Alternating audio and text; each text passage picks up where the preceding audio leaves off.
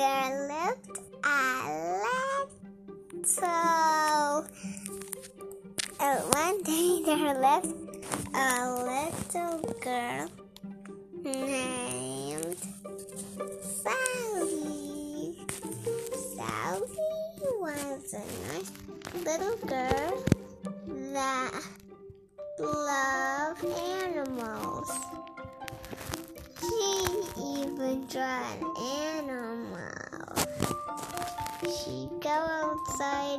and try to find animals to draw. And she told her mommy, Mommy, can I go outside to play today? I want to draw some animals. Her mommy said, Okay, but be careful. And then Sally said, Okay, mommy. She went outside to to draw some animals, but she didn't find any animals, and she wondered why. So she found she she going to find another animal that she wanted to draw, and she only found one animal. But isn't that really pretty for her? But she says did not take a picture of it draw it. So she continued to find it and she also wants to draw a kitty or a bunny. She walked and walked and she didn't see any kitty or bunny. But she did see a tiger. Then she ran away back home and told Mommy, Mommy, I see a tiger. I'm scared. Mommy said, The tiger, we have to get away. But I'm scared. We need to find a new home. Hmm? I need a home. So, so her mom decided, well, how about we build a new home far away? And the kid said, okay, fine. So she built a new home at the city before the tiger comes. But Sally was so tired of waiting that she actually had a pet. It was a kitty.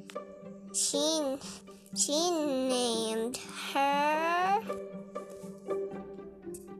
Sally Kitty.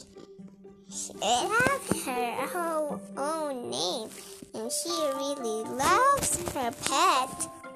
It's so pretty, and she take care of it. But then she was getting bored, so she decided to put a bow on her kitty and put watch so it know where the kitty's kitty is and a watch on her mother too. So the mother know where she is and she knows where her cat is too. So they each know. But then her mom said where did you get this watch from? Um uh well, I didn't find it anywhere. Disappeared out of her room. Then her mommy said, Oh, I can't remember that I bought it before. Three watches. But I just, why why do you left it at home? I don't know, but I do remember one thing. I was going to track track my kitty when I was a little girl. And then Cloudy said, like me? Well, anyways, Martha, we have to move, Mommy. Oh, yes, yes. So they continued building their house, and then it's done, but it looks a little empty. So they built some more, and they love their home. And then the tiger was far away. So they they and there's a lo- lot of cats and she said oh, mom can i draw some cats here there's so many and then her mom said Sure, be careful. But I got this thing and check it. Oh, okay. But still be careful. So she said, okay, mommy. And then she walked, walked and walked and found a kitty. Take a picture of it and then draw it at home. And then they live happily ever after.